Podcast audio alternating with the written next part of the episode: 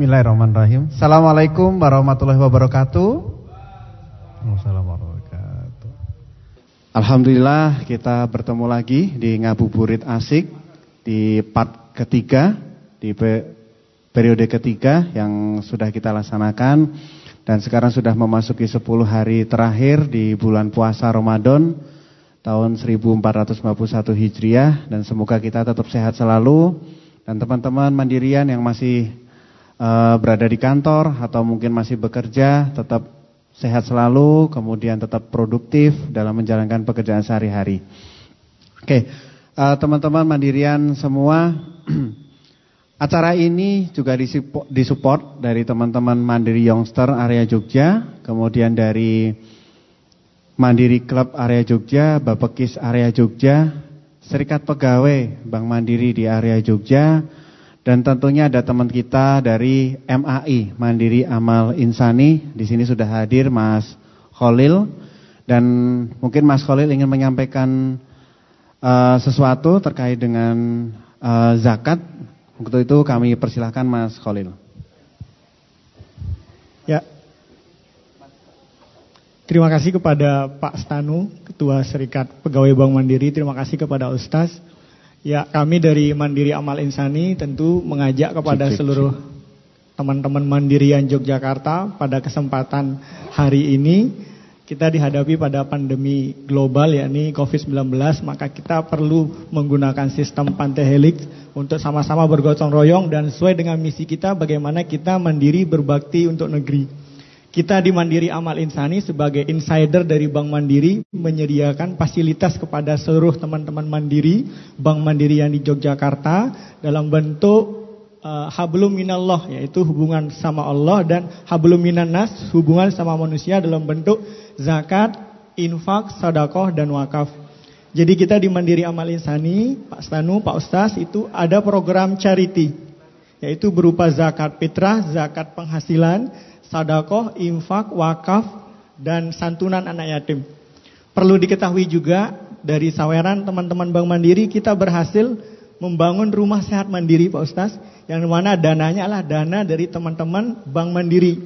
Jadi kita membangun rumah singgah namanya rumah sehat mandiri yang di mana di sana Pak Ustaz diperuntukkan untuk pasien yang tidak mampu, yang penyakitnya berat seperti kanker, tumor. Kita bisa bayangkan Pak Ustaz kalau misalkan ada warga negara Indonesia yang dari Papua atau dari Batam berobat ke rumah sakit Sardito, sudah kondisi penyakitnya berat, kanker, secara ekonomi merendah ke bawah, mereka butuh finansial untuk kos, untuk makan tiga kali sehari dan butuh edukasi.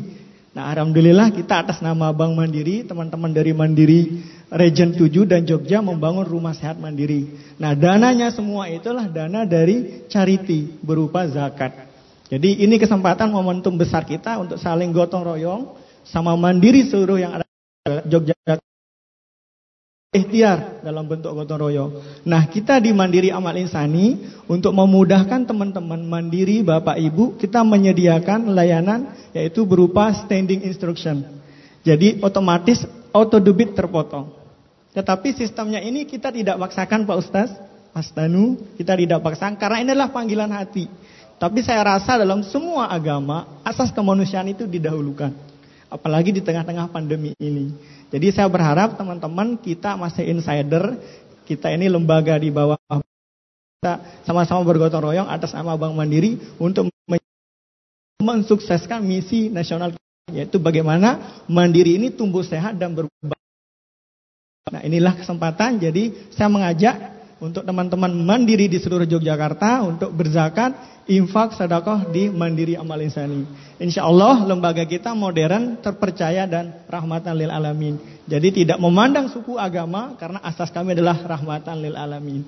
Inilah bentuk ikhtiar kami dari Mandiri Amal Insani untuk berkontribusi sesama Bank Mandiri untuk berbakti kepada negeri.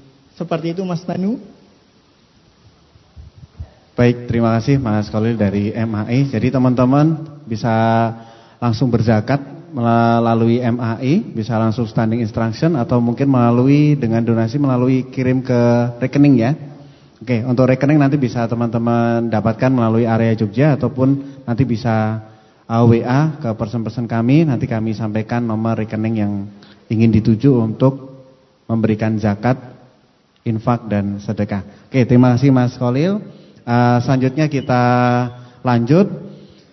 Kita sudah hadir juga Ustadz kita yang kemarin juga sudah menemani kita berdiskusi kita bersama dan saat ini tema yang ingin kita bawa yaitu rumah tangga harmonis menurut Islam.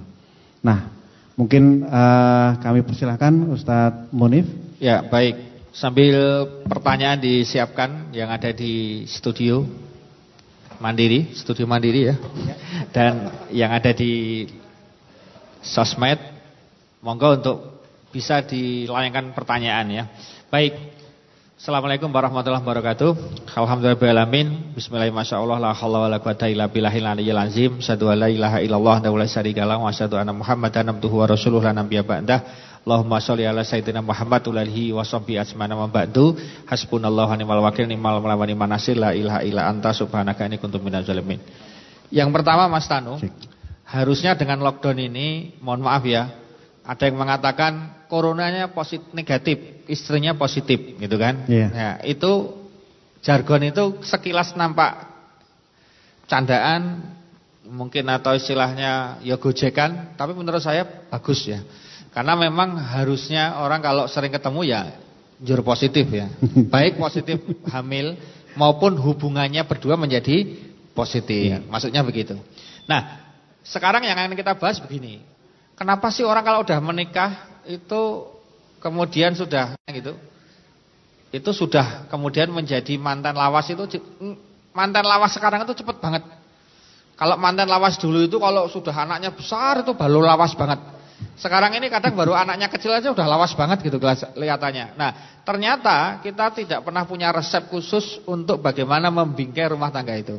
Nah, di bulan Ramadan ini ini yang akan kita sampaikan adalah kita obrolkan secara privat kaitan dengan keharmonisan rumah tangga. Ya. Nah, ternyata harmonisnya rumah tangga itu hanya didukung oleh beberapa hal sederhana yang kita akan membahas secara agama gitu kan. Pertama, yang namanya jadi kalau kita lihat yang namanya harmonis rumah tangga itu kita kita cek gampang sederhana Mas Tom. Yeah. Contohnya begini. Kalau orang mau menikah, habis nikah pertanyaannya apa biasanya? Ya misalnya kalau Anda bisa dimanten, mesti kan digarapi, wah mantenannya. Berarti melakukan hubungan badannya lebih dari satu kali yeah. dalam sehari, kan gitu. Yeah. Kok guyu kayak makan.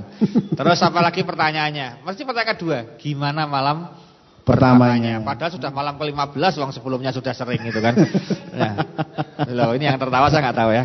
Nah, jadi ternyata kita tidak perlu menutupi bahwa Allah Subhanahu wa taala menjadikan relasi pernikahan itu salah satunya adalah untuk beranak okay. atau melanggengkan keturunan. Hmm. Nah, orang mau melanggengkan keturunan itu ternyata harus satu proses yaitu namanya kalau bahasa yang halus bi biologi itu namanya adalah proses konsepsi repro bahasanya kita yang melakukan berhubungan suami istri kemudian terjadi kehamilan. Yeah. Ternyata Allah menyeting chemistry su suami istri pria wanita itu menjadi harus melakukan, enak melakukan, semangat melakukan, nikmat melakukan. Kenapa? Kalau enggak Allah setting gitu, itu kemungkinan punya anaknya kecil. Misalnya punya anak itu hanya dengan apa so, tahu yeah. so ya? Eh so, terus betul anaknya itu mungkin orang nggak punya anak gitu kan. Tapi dengan proses seperti itu orang menjadi bergairah untuk punya anak karena prosesnya menyenangkan kan gitu. Nah, yang menjadi persoalan kan gitu. Yang menjadi persoalan adalah manakala proses itu lama-lama tidak diinginkan, tidak diminati karena apa? Karena faktor usia, karena faktor stres, karena faktor depresi. Nah, Islam tidak usah di make up, nggak usah di apa? Di istilahnya itu di glowingnya nggak usah, nggak usah diapa-apain wis ngono ana apa anane, nggak usah pakai obat-obatan wis gelem kok ngono ora gelem ya wis. Nah, yeah. Yang terjadi apa? Ya ini teman-teman, seringnya kalau lihat istri kayak lihat genderuwo gitu kan. Bertu lihat teman kantor kayak bidadari gitu kan. Hmm. Padahal yang di rumah itu nggak kalah loh sebetulnya. Cuma jenengan kurang itu kurang ragati aja kalau yang laki-laki gitu kan. ya mohon maaf ya Mas ya, jangan kurang ragati aja. Ya, jangan kurang ragati aja. Nah, terus sekarang ini yang jadi persoalan ternyata kebetulan saya punya banyak data kaitan perceraian yang ada ya Mas Tanu ya. Ternyata hampir perceraian itu 80% karena perselingkuhan. Dan perselingkuhan itu ternyata hampir juga 80% itu karena faktor miskomunikasi dalam hal seksualitas. Nah, jadi banyak orang itu kalau ditanya, mohon maaf ya, yang ada di studio maupun yang ada di sosmed, hmm. ada orang begini ditanya. Jadi beberapa orang yang ditanya, "Kenapa Anda mau cerai?" Ternyata pasangan saya selingkuh. Nah, kenapa selingkuh? Nah, ini yang menarik. Kalau kita kejar, kenapa selingkuh? Nah, di sini tema kita akan kita bahas memperdalam di sini. Kenapa selingkuh? Ternyata apa yang ada dalam ekspektasi orang ketika sebelum menikah tentang proses seksualitas dengan setelah menikah itu berbeda. Ternyata tidak sesuai yang dibayangkan, tidak sesuai yang ditayangkan di video-video yang dia tonton ya. itu. Sehingga yang terjadi itu orang kenapa, oh kenapa kamu akhirnya mau dengan dia? Padahal lebih buruk wajahnya, mohon maaf ya. Itu hampir OTT OTT selingkuhan itu ternyata tidak lebih cantik mas, tidak lebih ganteng. Ternyata mau melakukan do anything untuk pasangannya. Oh, jadi kata kuncinya kalau anda mau memperbaiki diri, mau mengharmoniskan rumah tangga, satu aja kuncinya, do anything, melakukan apa pun yang diminta. Baik suami maupun istri. Berlaku untuk dua-duanya. Nah, ngomong-ngomong, ada hadis yang sangat relevan yang jarang diungkap para ustadz ustadzah. Apa itu hadisnya mengatakan begini Mas Tanu. Ini saya terjemahkan secara bebas hadisnya. Apabila seorang istri berperilaku seperti pelacur pada suaminya, saya ulangi lagi jangan salah kutip. Apabila seorang istri berperilaku seperti pelacur pada suaminya, bukan suami temannya atau suami tetangganya, maka istri tersebut mendapatkan pahala sama seperti orang yang meninggal dalam posisi sedang jihad visabilillah. Oh, padahal jihad itu, tahu nggak jihad itu pahalanya? Jihad itu dia kalau meninggal langsung sak pakaiannya itu dikuburkan, sak darah-darahnya, nanti jadi saksi dan besok di akhirat itu ketika dihisap itu bigoiri hisap mas. Dia nggak ada lewat sirot, dia langsung lewatnya cepat langsung masuk surga. Hmm. Makanya kenapa para sahabat kalau ada panggilan perang itu mereka itu merindukan mati di ujung tombak atau di ujung pedang. Kenapa? Karena dia tahu besok dia punya privilege begitu kiamat datang dihidupkan dia nggak ngantri, dia langsung bypass masuk surga tanpa proses audit. Yeah. Ya nggak ada auditnya mas, nggak di sini masih diaudit, ya toh masih. Saya nggak ada audit, jadi nggak ada audit, nggak ada tanya langsung bypass bus. Berarti nggak ada siksa kubur juga Ustaz? Nggak ada. Langsung dia? Ya dia dapat nikmat kubur. Nikmat Jadi ingat loh ya, ya, orang di kuburan itu memang kalau SOP-nya, SOP-nya ya, ya, dia datang, dikubur, kemudian ditutup, setelah tujuh langkah peziarahnya pergi, dia baru dihidupkan, ditanyai, man robuka, man nabiuka, madal kita buka. Kalau bisa jawab dapat nikmat kubur, kalau nggak bisa jawab dapat siksa kubur. Ya. Itu SOP. Tapi ada orang spesial yang nggak pakai SOP. Satu, orangnya sangat baik. Sangat istimewa akhlaknya, sangat istimewa amal solehnya. Itu insya Allah begitu masuk itu malaikat terus. Bahkan ada cerita dalam beberapa kitab, ini sokeh kitabnya. Itu menunjukkan bahwa Ali bin Abi Thalib itu itu pernah agak dendam dengan Umar bin Khattab. Umar bin Khattab ki sopo-sopo wis tahu digetak kok karuang kuwi getak itu. Tadinya dia kan kalau ngomong kan tegas Mas. Yeah. Dia, dia, dia. Hampir semua orang pernah digetak kecuali Rasulullah. Yang lain sudah pernah. Ali sendiri juga pernah digetak sama beliau. Nah, bahasanya itu kan gini. Jajal nek mati wani getak malaikat. Oh, dia Nah makanya dia minta sama Allah ketika Umar bin Khattab itu dia minta ya Allah izinkan aku bisa melihat ke alam barzah, melihat kayak apa Umar bin Khattab ditanya sama malaikat. Nah, tenan, bisa lihat ternyata oleh Allah diizinkan. Maka lihat. Nah, begitu lihat Umar bin Khattab dihidupkan, kemudian muncullah itu dua malaikat Munkar dan Nakir yang menurut informasi dari Ali bin Abi Thalib matanya ini seperti besar sekali jadi semuanya serba gede. Hmm. Jadi orang lihat tuh masih ciut siapa pun itu masih ciut. Masih ciut. Nah, ketika datang dengan sangat apa matanya besar se mungkin ya sepanji-panji gitu dengan luar biasa gitu Ali itu sudah sempat ya, rasakno kowe piye kowe saiki harus atau ya gitu kan yeah. arep ngopo kowe ternyata begitu malaikatnya datang gitu kan langsung digetak sama Umar bin Khattab hei Kamu tahu enggak? Oh, jadi malah ditanya sih kan. Hmm. Kamu kenapa mendeli? Masih nih gitu kan. Kamu tahu enggak siapa saya?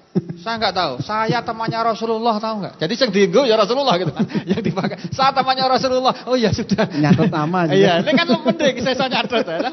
Saya tahu enggak saya? Saya itu temannya Rasulullah. Oh, kekasihnya Allah saya. Apa? Saya temannya kekasihnya Allah. Pedih, Mas. Loh, artinya apa? It, ada orang itu insya Allah di situ itu nggak ditanya malah bertanya ya iso. No. Neng yono ya sing nggak sesuai SOP tapi buruk. Siapa dia? Ini contoh, ini saya contohkan ya. Ada orang real ini. Ini insya Allah seperti ini SOP-nya.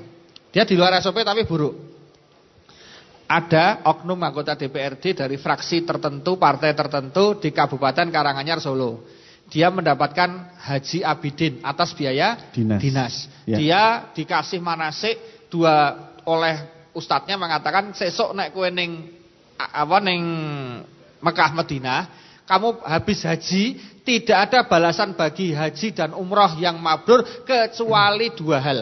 Satu, diampuni semua dosanya. Yang kedua adalah surga. Jadi wong haji itu mengloro diampuni kabeh dosa tanpa terkecuali sama surga. Nah, pulang itu dia dibisiki sama setan. Mumpung kamu belum dibersihkan dosanya sebersih-bersihnya, ayo dipol-pol ke maksiat. Hmm. Maka dia langsung dua minggu sebelum keberangkatan sewa dua perempuan nakal, diajak ke hotel di area Tawangmangu. Ternyata pada waktu melakukan karena mungkin takut gak kuat menggunakan obat kuat, akhirnya jantungnya gak kuat, akhirnya meninggal dunia hmm. pas di atas mbaknya itu. Hmm. Itu saya kira malaikatnya beda SOP mas. Kan kalau SOP-nya dia diantar, diturunkan, ditutup, didoakan, tujuh langkah, dihidupkan, ditanya, yeah. begitu kan? Ini yeah. enggak. Itu insya Allah baru di baru disambutan di rumahnya yang meninggal itu. Itu mungkin akhir sudah pemanasan dia. Dia sudah kayak orang mau UFC itu. Eh, siap-siap pokoknya. Begitu dia datang dikuburkan tanpa nunggu ditutup itu sudah diajar ya bisa gitu kan. Baru ditutup langsung diajar ditakoni gitu ya bisa. Saya yakin seperti itu Mas karena malaikat mangkal banget. Ini orang yang mau haji aja, bayar aja, plus aja masih nunggu beberapa tahun padahal plus. Ini sudah dibayari negara tinggal berangkat aja masih maksiat. Wah itu. Oke, kembali ke tadi tema kita. Jadi yang namanya kalau kita mau harmonis, tolong dengarkan para istri, para ibu-ibu berperilakulah seperti pelacur pada suami. Tahu nggak hmm. pelacur itu SOP-nya? Pelacur itu ternyata cuma satu. Tiga SOP saya tahu pelacur itu. Karena dulu sering ngisi pengajian di sini ini ya. Nah, ya, ngisi ya. Ada nama saya di situ terkenal insya Allah itu ya. Nah, pada waktu ke sana, saya baru tahu ternyata di sana itu punya SOP, Mas. Satu, begitu saya masuk gang itu Mas Tano, itu ternyata breng-breng, wangi nepol. Hmm. Makanya wangi nomor satu SOP-nya. Maka ibu-ibu istri-istri di rumah harus wangi. Jangan kalah. Begitu nih Bank Mandiri, wah wangi nepol. Nganggu minyak wangi, tekan ngomah nganggu PPO, Remason, Balsem. Baunya bau-bau keroan gitu kan. Belum tambah maskeran lagi Masya Allah. Ya situ kan. Wangi. Begitu saya masuk, udah wangi. Saya langsung duduk karena belum kebetulan tempat pengajiannya masih sepi gitu kan. Saya duduk di depannya ngangkring. Begitu baru seruput satu dua seruput begitu tiba-tiba datang ada wangi-wangi di samping saya. Ustaz juga manusia akhirnya juga ngelirik kan. Saya lirik gini begitu saya ngelirik ternyata apa? Betul mbak-mbak itu. Pakaiannya seksi. Oh, jadi ternyata sebenarnya setelah wangi adalah seksi. Nah, maka ibu-ibu di rumah boleh kalau pas memang hanya berdua atau memungkinkan seksi cuma yang dasaran terus nanti bolong-bolong dasarnya ya. Oke, setelah seksi yang ketiga mas, ternyata apa? Ternyata ramah. Ramahnya luar biasa. Gimana? Saya baru nengok begini, mbaknya udah begini. Iya mas, pongko. Langsung bilang gitu. Ah, kaget terus saki pongko, saya deg-degan itu antara pengen dan wedi gitu ya. Loh yang wajar saya manusia biasa juga mas. Pengen dan wedi. Tantangan. Pengennya adalah saya manusia biasa, laki-laki normal. Waktu itu belum menikah, karena baru pertama kali masuk area di flower market. Ya, yang kedua takutnya, takut ini dosa karena saya ustadz gitu kan. Akhirnya saya ngomong, ora, ora, ora. Begitu bilang ora-ora mbaknya itu tangannya yang kiri tuh nempel ke paha saya sambil bilang, ora sah gaya gitu kan. Langsung saya tampek, randedet, randedet gitu. Begitu randedet mbaknya bilang, bon ya oleh mas, saya sudah. Saya terpaksa membuka jaket saya gitu kan. Tapi bayangkan, mana ada perempuan zaman sekarang istri-istri seperti ini. Wangi, ramah, terus tanya, saiki pongko mas. Wow, jarang yang ada gak sesok, ngantuk, apalagi? Oke, okay, banyak koleksi. Nanti malam udah. Ya. Nah, sekarang begini. Makanya para perempuan semuanya, ingat laki-laki itu idealnya berejakulasi menurut riset adalah dua hari sekali.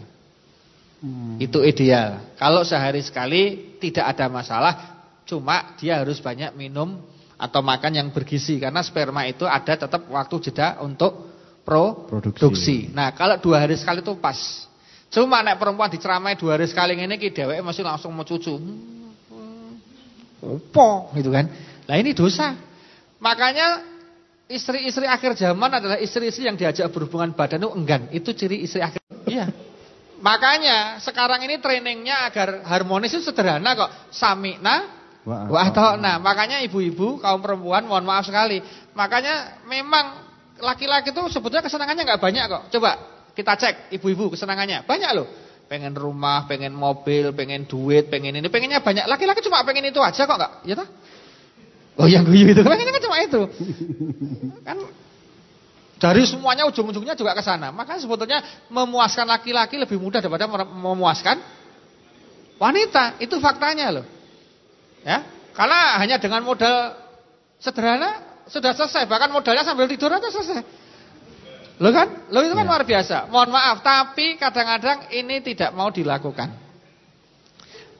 Makanya muncul kemarin yang akan saya bahas pada kesempatan kali ini. Bagaimana misalnya beberapa orang melakukan hubungan misalnya dalam posisi sedang head atau menstruasi. Hmm. Mohon maaf ya.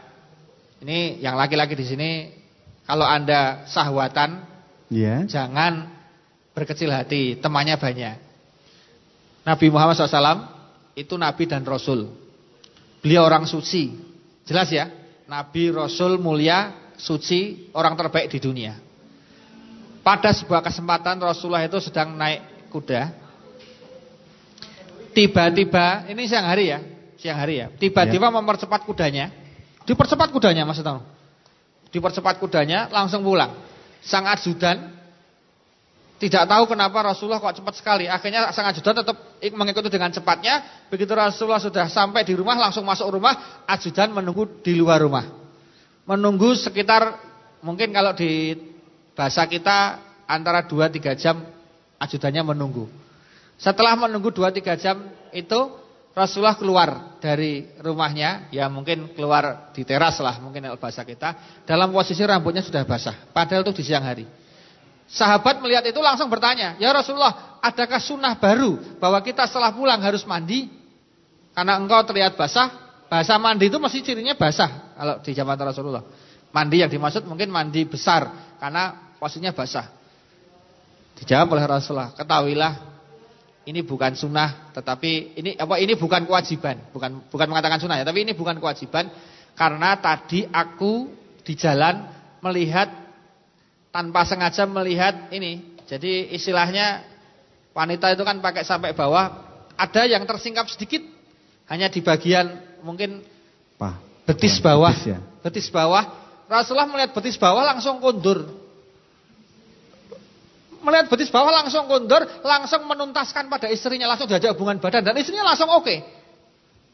Kata Rasulullah, aku tadi tanpa sengaja lihat lihat perempuan yang tersingkap, terlihat betisnya sedikit, aku langsung pulang menuntaskan pada istriku karena aku tahu apa yang ada pada dia, dia itu yang tadi tersingkap yeah. itu sama dengan apa yang ada pada istriku. Jadi podowai barangnya, makanya aku cepat balik. Jadi Rasulullah itu, mohon maaf ya, melihat seperti itu langsung pulang. Itu Rasulullah baru melihat betis loh. Anda melihat apa saja sekarang selama ini? Lengkap. Sudah komplit kan? Komplit. Itu hanya melihat betis langsung pulang. Makanya Anda lihat macam-macam kok sampai rumah istrinya nggak mau melayani, istrinya itu dosa besar, dolim itu. Itu mungkin kalau orang yang agak keras tukar tambah wae, mungkin begitu saking mangkalnya. loh, mohon maaf ya. Tapi kenapa? Karena mohon maaf loh, bapak-bapak sekarang, suami-suami sekarang itu di jalanan itu penuh dengan nafsu, betul nggak? Yeah. Neng kantor wis pakaiane do kaya ngono, metu kantor kaya ngono, neng mampir maru wis tambah ra karo-karuan, ning dalan ra karo-karuan. Dadi iso saka mangkat tekan Bali isine ming kaya ngono tok. Tekan ngomong sing wedok lampu merah. Plat merah. Enggak bisa karena mungkin sedang haid. Nah, Islam punya solusi. Makanya langsung saya nggak usah muter-muter. Ini kajiannya orang dewasa semua kan, yeah. para mandirian. Islam membolehkan pasangan suami istri yang istrinya sedang haid, maka dipuaskanlah suaminya dengan satu menggunakan tangannya, artinya onani dengan tangan istri. Dua, oral seks dengan mulut istri. Itu hukumnya sah. Jelas ya? ya. Apa dasar hukumnya Ustadz? Oral seks diperbolehkan oleh satu mazhab Syafi'i itu membolehkan. Dua, mazhab Maliki itu membolehkan dengan syarat. Syaratnya yaitu adalah e, tidak dimasukkan terlebih dahulu. Jadi kalau orang mau orang syaratnya adalah dia menjadi bagian dari mohon maaf foreplay. Jadi belum ada jima atau penetrasi. Kalau sudah ada penetrasi artinya alat kelaminnya sudah dimasukkan sudah ada interaksi antar kelamin kemudian baru dilakukan oral seks itu makruh bahkan haram nggak boleh. Okay. Tapi kalau dalam posisi sebagai foreplay itu diperbolehkan. Jadi dari empat mazhab itu semuanya hampir yang mengharamkan hanya satu mazhab, yang tiga membolehkan semua. Masuk Pak Eko. Ya, Pas, itu kan? Masuk Pak Eko. Itu ya. Itu berlaku baik bagi perempuan yang dioral oleh suaminya atau suami yang dioral oleh istrinya. Jadi semuanya hukumnya sama. Oke ya, dengan syarat syarat tadi bahwa satu bersih, dua ada keikhlasan dari kedua belah pihak, nggak boleh ada paksaan, yang ketiga memang dilakukan sebelum ada jima atau hmm. penetrasi kalau bahasanya yang modern itu diperbolehkan. Nah, jadi cara memuaskan pasangan ketika sedang haid, ibu-ibu dan para istri-istri adalah dengan cara boleh dilakukan seperti itu. Jadi yang tidak boleh dalam Islam itu kan hanya dua. Mendatangi ketika haid di tempatnya itu dan mendatangi lewat dubur. Kalau hmm. dubur itu hukumnya haram jidan. Haram jidan itu haramnya pol. Itu kalau di negara-negara Timur Tengah para pelaku liwat liwat itu menggunakan dubur itu apalagi yang homo ya. Yang homo itu itu kalau di beberapa negara Timur Tengah itu hukuman untuk para kaum homo itu tidak dipenjara lagi, tidak dipotong lehernya lagi, tidak ditembak lagi. Dia di dia, diajak, ditutupi matanya, tangannya di bondo, ditaruh ke gedung yang tertinggi di tempat itu, kemudian dilempar dari atas gedung itu. Hmm. Sudah gitu. Terus dia mati berkeping-keping itu. Itu saking parahnya kenapa? Biar ada efeknya. Karena homo itu menular. Makanya pemerintah sana sangat ketat membasmi homoseksual karena kalau didiamkan nular. Berarti seperti corona Loh, sekarang. Yang ya? paling bahaya, mohon maaf ya. Begini, eh, ini saya orang psikologi jadi saya tahu. Yang paling bahaya, mohon maaf sekali, kalau homo itu sifatnya homo murni, itu masih mending. Walaupun tetap dosa dan memang itu berbahaya, hmm. tetap dosa. Homo murni itu berarti laki-laki senang sama laki-laki. Yang sekarang mengejala trennya menjadi sangat banyak, itu adalah homo ACDC. Bisex. Jadi bisex. Dia punya istri, dia punya suami, dia punya anak, tapi dia homo, dia lesbian. Jadi dia dua-duanya bisa dilakukan. Tapi yang paling sering dilakukan adalah dengan pasangan sejenisnya dan itu hukumnya haram. Haramnya haram jidan. Itu ya, jelas ya. Oke. Makanya untuk para istri-istri yang di rumah yang sedang melihat ini tolong dicatat. Kalau Anda diajak hubungan badan sama suami enggan, enggak mau, ingat jangan hanya dosa yang diingat, tetapi saingan Anda itu berat sekarang. Satu, pelakor, itu saingan Anda. Yang di rumah dipegang aja langsung ngiwat-ngiwat, yang di kantor langsung narik-narik. Itu jelas berbeda. Satu, pelakor, musuh Anda. Dua, masih ada. Apa? Musuh Anda adalah homoseks tadi. Ah, daripada angel karo wong wedok tak karo sing lanang wae. Itu ada apaan? Itu bahaya. Itu itu musuh Anda itu sudah dua, tambah satu lagi musuhnya sekarang. Tahu enggak? Musuh yang ketiga adalah boneka. Hmm. Loh, di beberapa negara ini pernah masuk ke Herat Tribun Ya, salah satu majalah populer di luar negeri sana. Di sini juga ada sih. Ya beredar tapi nggak banyak. Pernah dibahas itu, itu di Jepang. Itu sampai ada orang, itu mohon maaf sekali, menceraikan istrinya, kemudian dia menikahi boneka. Bahkan boneka ini diajak ke mana-mana, diajak makan, bosok kita pora, ini gitu kan. Apa jenengan ini waras pak, mohon maaf pak. Lah kenapa? Kenapa Anda malah menceraikan istri Anda, malah sekarang Anda memperistri boneka? Ini nalarnya di mana? Saudara tidak tahu penderitaan saya. selama menikah kata dia. Hmm. Saya mending sama boneka yang jelas. Boneka ini saya kasih makan apa saja mau, saya apakan saja mau. Jadi saya ajak makan yang nggak cerewet, saya kasih baju yang nggak cerewet, saya gituin yang nggak cerewet, dia manut aja sama saya. Ternyata banyak bapak-bapak itu malah pengen orang sing ayu, sing manut.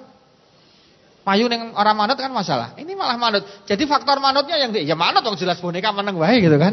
Tapi bahwa logika bapak ini walaupun logikanya kelas, tapi perlu menjadi miris ibu-ibu. Oh iya ya.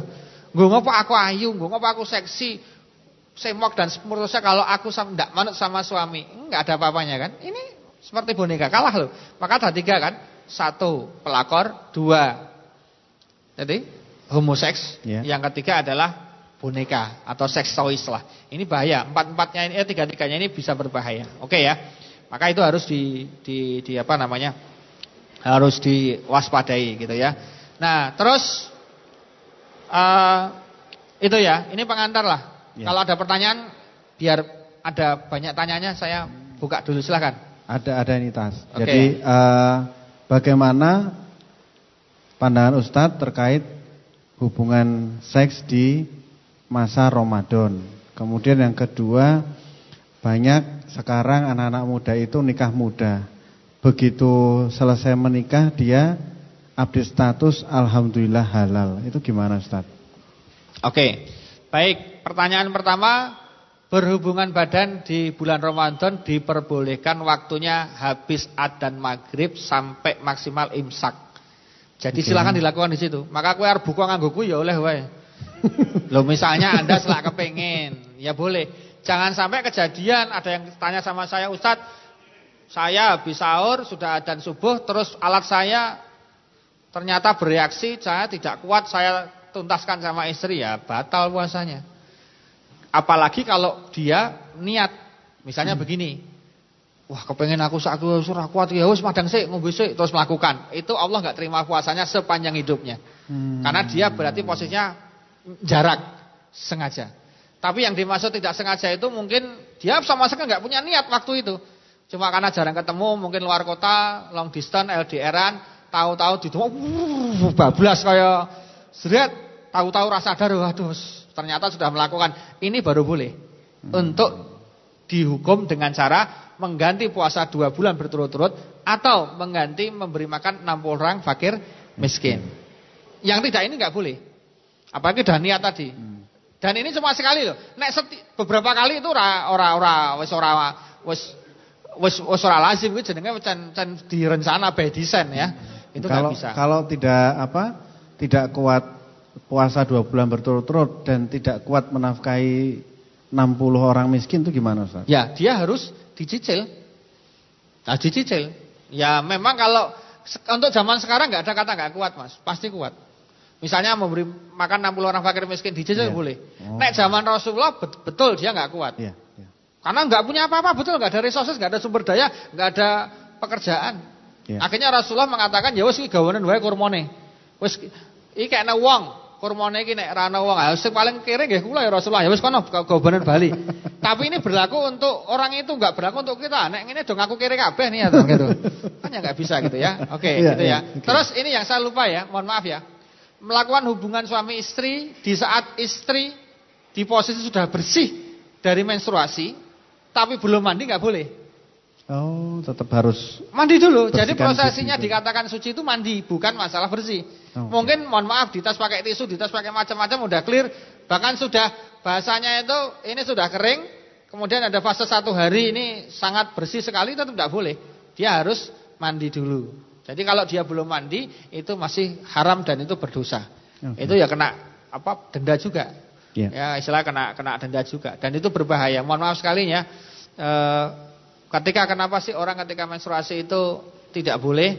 Karena ternyata darah haid itu darah yang super besar, super banyak bakterinya dan itu hmm. sangat jahat sehingga kalau itu tetap dipaksakan dilakukan yang terjadi adalah dua-dua alatnya ini dalam jangka panjang Bahaya sekali. Walaupun sama-sama cuma darah. Makanya tolong Itu harus diperhatikan betul. Makanya tadi Islam sudah ada cara, bisa melakukan cara yang manual yang lain yeah. yang tidak harus dimasukkan ke sana. Makanya yang dalam dilarang dalam Islam adalah dari depan dan dari belakang. Depan ketika menstruasi, belakang ketika apa pun nggak boleh. Ya, yang selain itu diperbolehkan. Bahkan ada yang mengatakan menggunakan mohon maaf sela-sela paha juga diperbolehkan. Wes terserah anak kelek ya sakarmu sakarmu. Ya, ya yang penting kan bagi bagi laki-laki kan cuma satu kata. Mohon maaf ya. ya. Ejakulasi selesai. Ya. Oke. Piye carane karepmu gitu. Nah, terus ada pertanyaan apa lagi tadi yang masalah nikah muda? Ya. Nikah muda itu sekarang perlu dikampanyekan. Maaf, menikah muda dikampanyekan jangan tujuannya hubungan seksual semata-mata. Ya. Karena kalau sudah halal, yuk kita bisa ngapa bisa gituan. Ingat, isinya menikah bukan hanya gituan. Isinya adalah bayar listrik, tuku gas, bayar sekolah, tuku susu formula dan lain-lain. Nah, ya, itu juga perlu dipikirkan. Makanya menikah semata-mata karena itu nggak boleh, tapi menikah karena itu ya boleh. Tapi nek semata-mata, macam semata-mata itu ya itu tok satu-satunya. Ya. Makanya fase terberat dalam pernikahan itu adalah fase beberapa menit, beberapa detik sebelum kita melaksanakan ijab kabul. Itu kudune sing lanang luruskan niat tenan. Nek ra lurus tenan itu nanti masalah. Ya, maka diluruskan. Juga diluruskan, sama-sama meluruskan. Nah, dalam Islam makanya kenapa sampai disebutkan oleh hadis-hadis ini biar ibu-ibu dan istri-istri tahu. Hadis masalah hubungan badan itu itu paling banyak ternyata ditujukan untuk kaum perempuan. Ya. Contoh, apabila istri mengajak dulu berhubungan suaminya, maka pahalanya seperti kurang apa? Bahkan yang mengatakan lebih baik daripada puasa atau sunnah atau sholat seribu rakaat. Jadi ibu-ibu itu tidak pengen dapat apa? Dapat ini dapat pahala gampang, ngajak. Ngajak, ya, ya, ngajak. Jadi yang ngajak perempuan. Siap. Ini cirinya begini. Ciri hadis kalau itu jarang yang melakukan. Saya ulangi lagi, ciri hadis yang jarang melakukan. Jadi ada orang jarang melakukan. Itu biasanya hadisnya itu cirinya dikasih benefit besar. Contoh, barang siapa sholat dua rakaat sebelum sholat subuh atau namanya sholat fajar, Allah berikan pahala sebesar sebanyak lebih baik daripada dunia dan seisinya. Kenapa hadisnya pahalanya? Iya. Karena banyak orang nggak melakukan. Contoh lagi, barang siapa pada sembahyang tahajud. Ini jelas banyak yang nggak datang pertama, betul? Iya. Termasuk ketika ada hadis mengenai suami istri berhubungan, istri yang ngajak duluan pahalanya besar. Ini berarti banyak yang nggak mau dia nggak jangankan mengajak, diajak aja nggak mau apalagi ngajak. Hmm. Oh, itu masalah itu. Terus ada lagi nih, Hadis ini hadisnya yang paling ringan. Terus ada hadis yang agak berbau entertain, penghiburan. Apabila engkau suami istri saling bersentuhan, memeluk, maka sepuluh dosa gugur pada kalian berdua dan sepuluh pahala muncul pada kalian berdua. Hmm. Apabila dilanjutkan dengan memeluk dan mencium, maka seratus pahala ada pada dirinya, satu dosa gugur padanya. Apabila yeah. dilanjutkan dengan berhubungan suami istri, maka bergugurlah dosa-dosa di antara kalian berdua. Ora enak banget. Hmm. Aneng coba diajak sing wedok, buah. Hmm, itu itu berarti kan nggak tahu. Nah, karena dikasih hadis yang ringan sampai having fun, tidak mau, akhirnya muncul hadis yang keras. Apabila engkau diajak berhubungan tidak mau dan menolak, maka satu malam malaikat mengutuk kamu. Mengutuk itu batu, wah misu-misui. Itu semalam. Iya. Gara-gara nggak mau diajak. Itu malaikat. Itu berkuda belum? Kan enggak. Apa toh? Apa nih ya mau dieleke. Dek, iki malam Jumat tuh kon ngapa nek malam Jumat. Nah, itu masalah. Oke, pertanyaan silahkan Sambil kita menunggu mungkin yang dari Ada pertanyaan?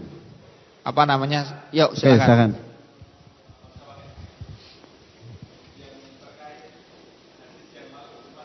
Ya. Boten. Boten.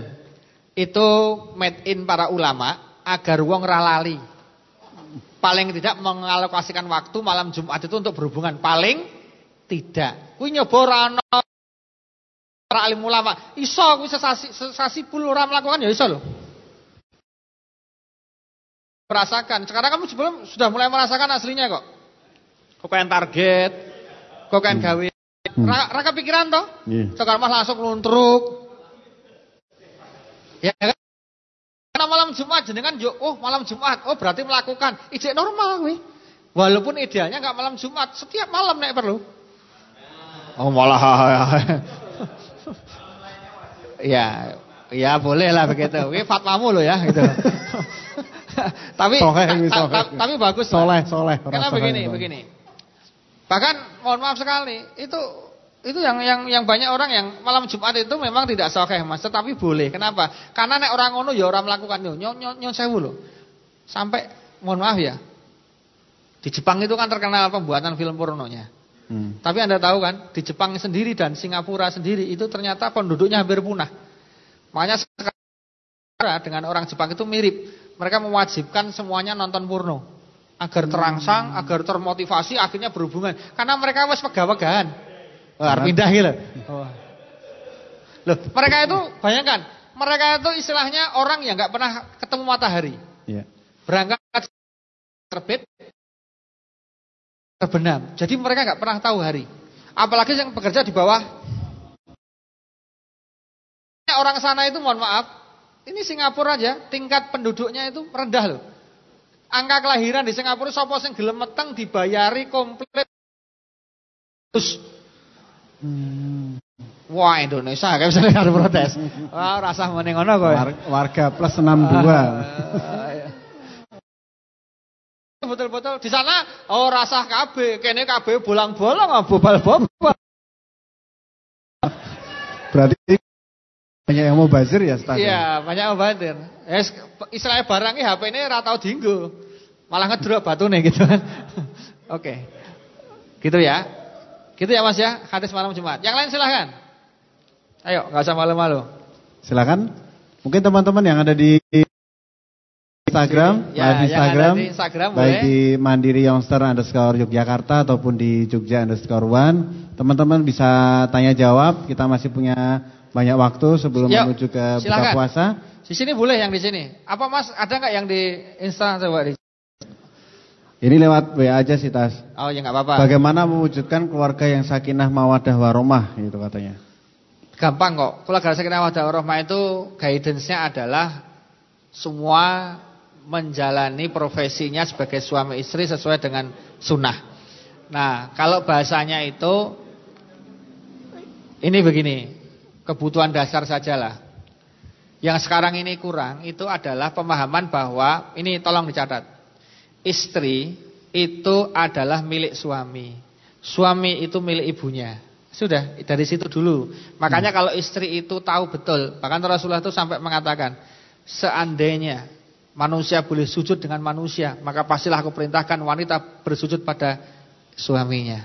Tapi karena nggak boleh nggak diperintahkan. Hmm. Itu berarti apa? Berarti janjane suami itu mbok sak elek-eleke sak sithik-sithike bayare, dia harus betul-betul kalau seandainya perempuan itu tahu betapa pahalanya besar dan dosanya melayani suami, melayani itu konteksnya luas, itu perempuan itu pasti dia sudah nggak karu-karuan hidupnya.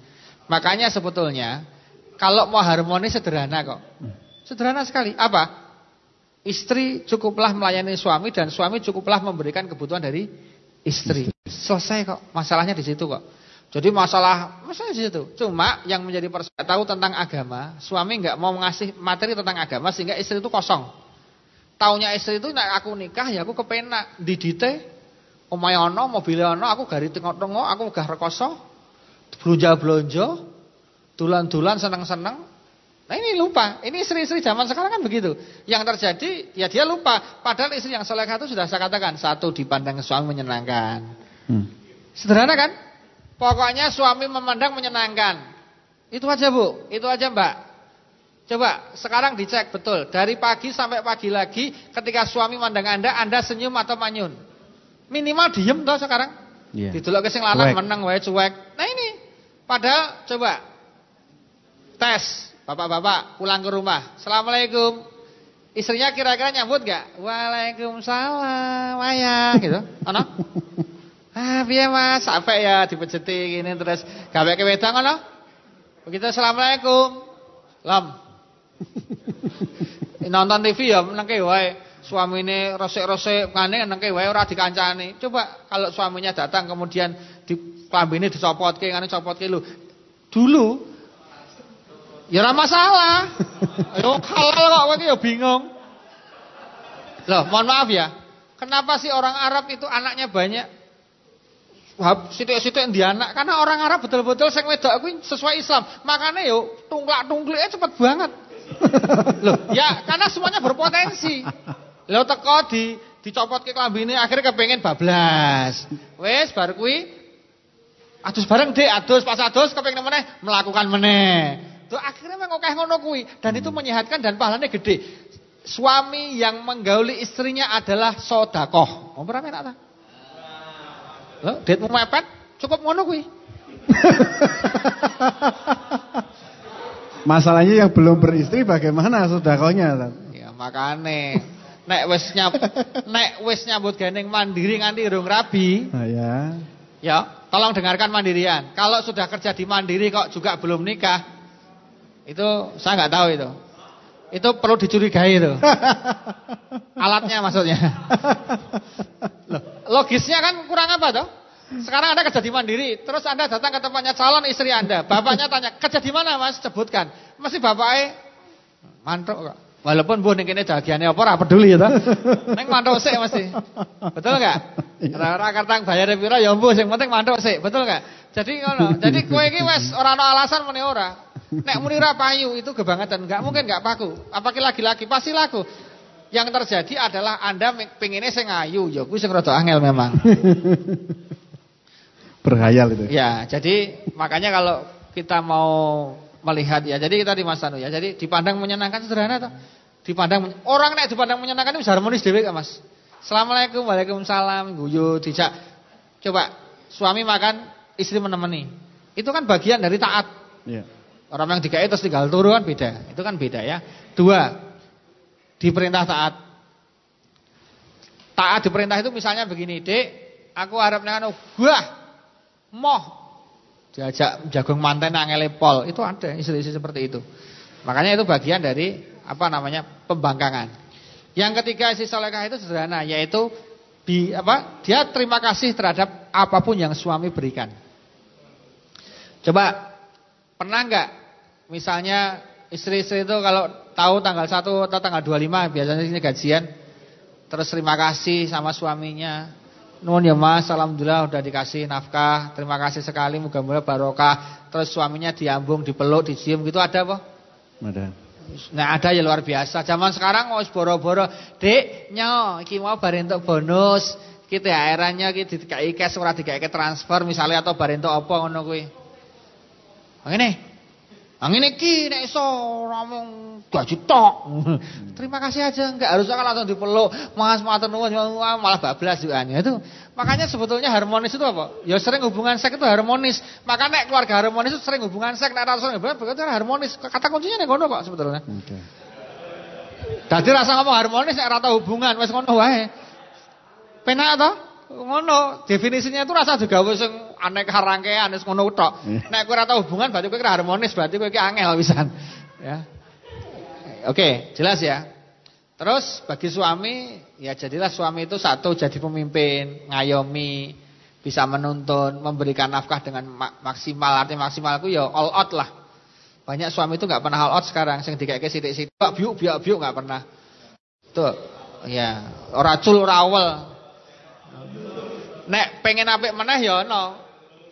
Kayak kabeh ning jenengan punya aturan misalnya. Aku iki tak toke kabeh iki. Ning aku kudu ana cecekel karena saya dalam sehari harus begini-begini, aku tolong dikasih jatah. Tapi kamu yang ngasih jatah. Wah itu seneng banget sing wedok ngono kuwi.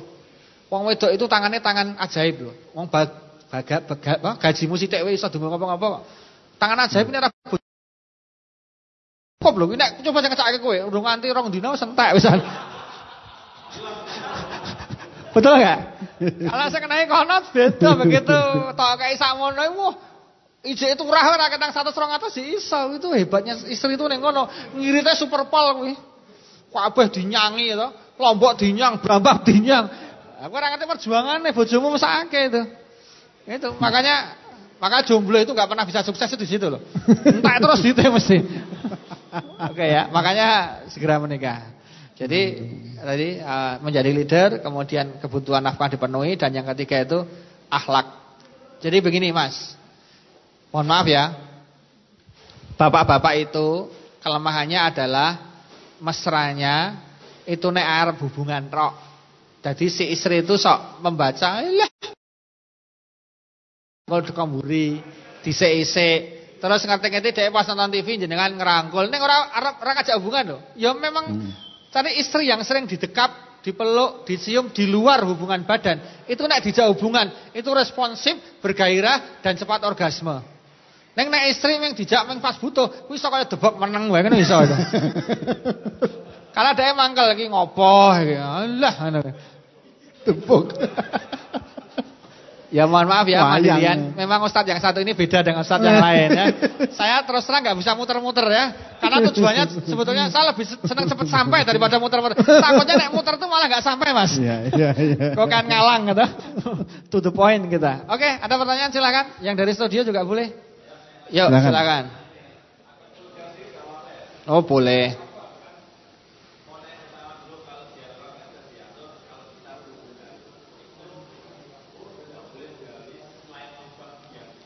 Ya. Ya sudah saya terangkan tadi kan? Enggak boleh. Oh, telat. Tadi yang enggak boleh itu dubur sama depan yang sedang dalam keadaan haid. Jadi oral seks dan onani atau masturbasi yang dilakukan antar pasangan sah. Hmm?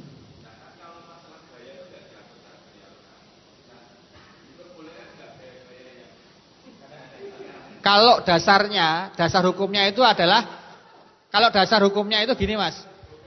Kalau kalau dasar hukumnya masalah gaya itu cuma satu kaidah. Kaidahnya cuma satu. Jangan banyak gaya kalau nggak tahan lama. Itu aja kaidahnya.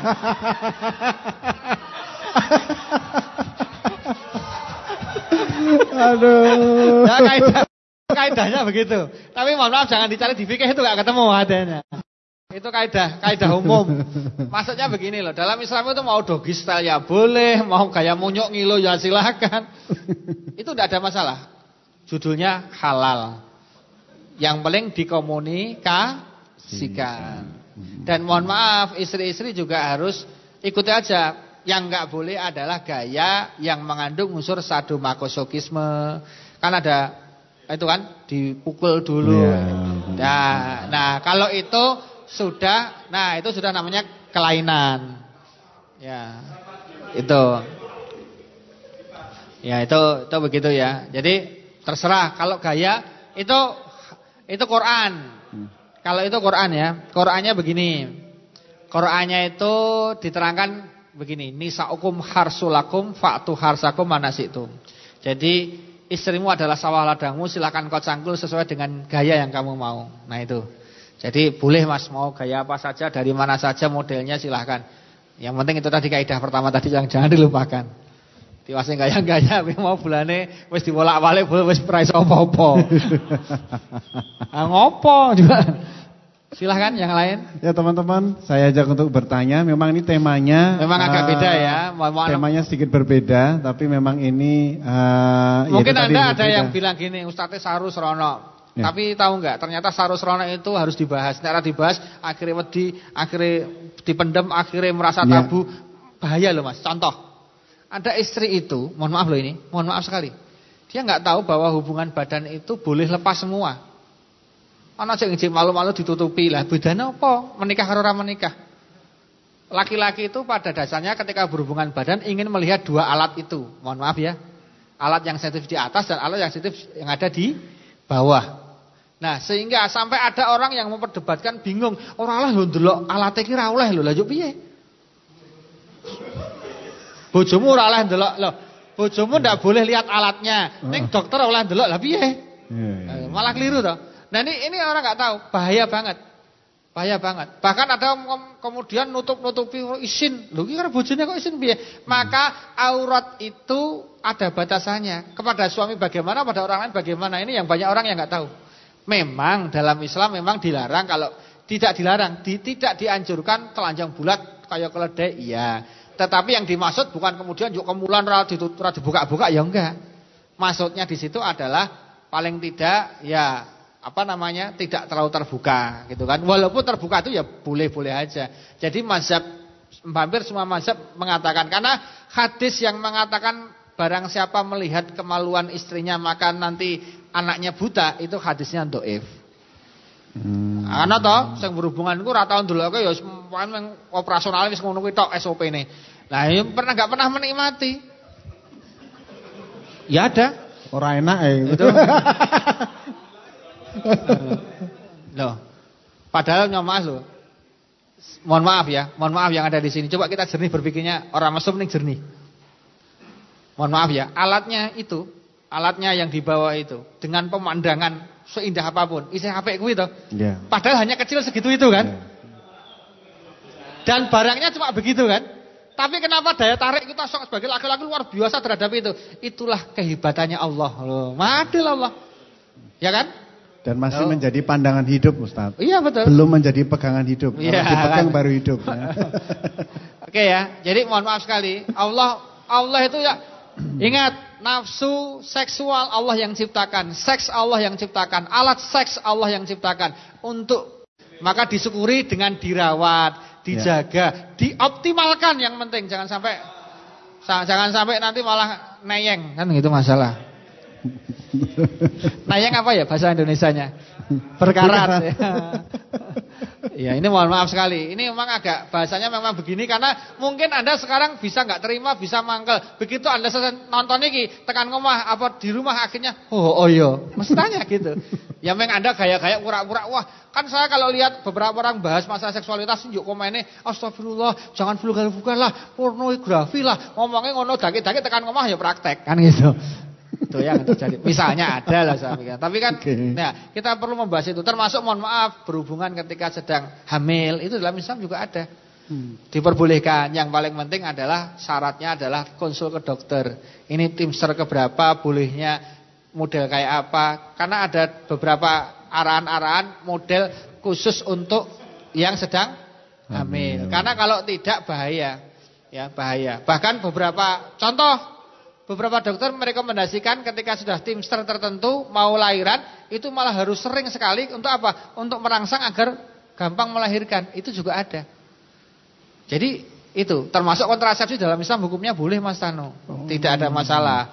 Ya, yang cuma kalau vaksektomi dan tubektomi ulama berbeda pendapat. Karena kalau vaksektomi tubektomi itu dikhawatirkan nanti itu termasuk merubah apa namanya uh, istilahnya merubah organ dari Allah yang telah titipkan pada kita. Yeah. Makanya orang yang boleh vasoktomi dan tubektomi adalah orang yang real. Dia difonis oleh dokter tidak boleh hamil lagi karena faktor kerentanan usia. Misalnya dia sudah sesar tiga kali, yeah. maka dokter pasti akan menganjurkan sterilisasi karena nanti begitu kebablasan dan hamil sesar keempat itu dokter sudah nggak berani. Bisa. Ya, jadi sesar itu maksimal tiga. Sementara ini nggak tahu kalau nanti ada teknologi baru. Bisa sing di naik ini yakin terus mau kita munggah, mata kita suka buri barang nggak ngerti ya toh. Hmm. Karena itu kan teknologi kita nggak pernah tahu. Tapi secara prinsip begitu. Jadi KB boleh. Ya, KB itu boleh. Cuma apa namanya yang harus dibahas adalah sebetulnya yang nggak boleh itu menolak kelahiran, Mas. Oh. Tolong dicatat yang di rumah dan di studio KB halal, yang haram menolak kelahiran. Nek KB itu wis merencanakan hamilnya Sejak besok awal, ya. lagi ya. atau ya. jangan hamil dulu atau sudah tidak usah hamil. Ya. Itu namanya KB boleh. Dalam rangka agar generasinya itu berkualitas. Tapi nek menolak kelahiran nggak boleh. Misalnya, mohon maaf ya, sudah KB tapi gagal, kan sering. Terus hamil, terus nggak terima, digugurkan, dosa.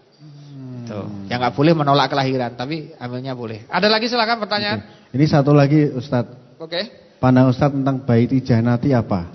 Baiti janati, rumah tanggaku surgaku adalah bagaimana di dalam rumah tangga itu harmonisnya lebih banyak daripada padunya atau konfliknya. Berarti mau tidak mau kita di bulan Ramadan ini Mari jadikan kita dari pagi sampai pagi lagi itu penuh dengan amal soleh. Hmm. Sehingga amal soleh itulah nanti yang akan menghiasi rumah tangga kita. Ya. Insya Allah nek suaminya itu hmm. pelaku agama, pelaku agama bukan pintar agama, ya. tapi pelaku agama, istrinya pelaku agama pula, maka sebetulnya mereka itu rasa diminta, itu otomatis menjadi taat antar mereka sendiri.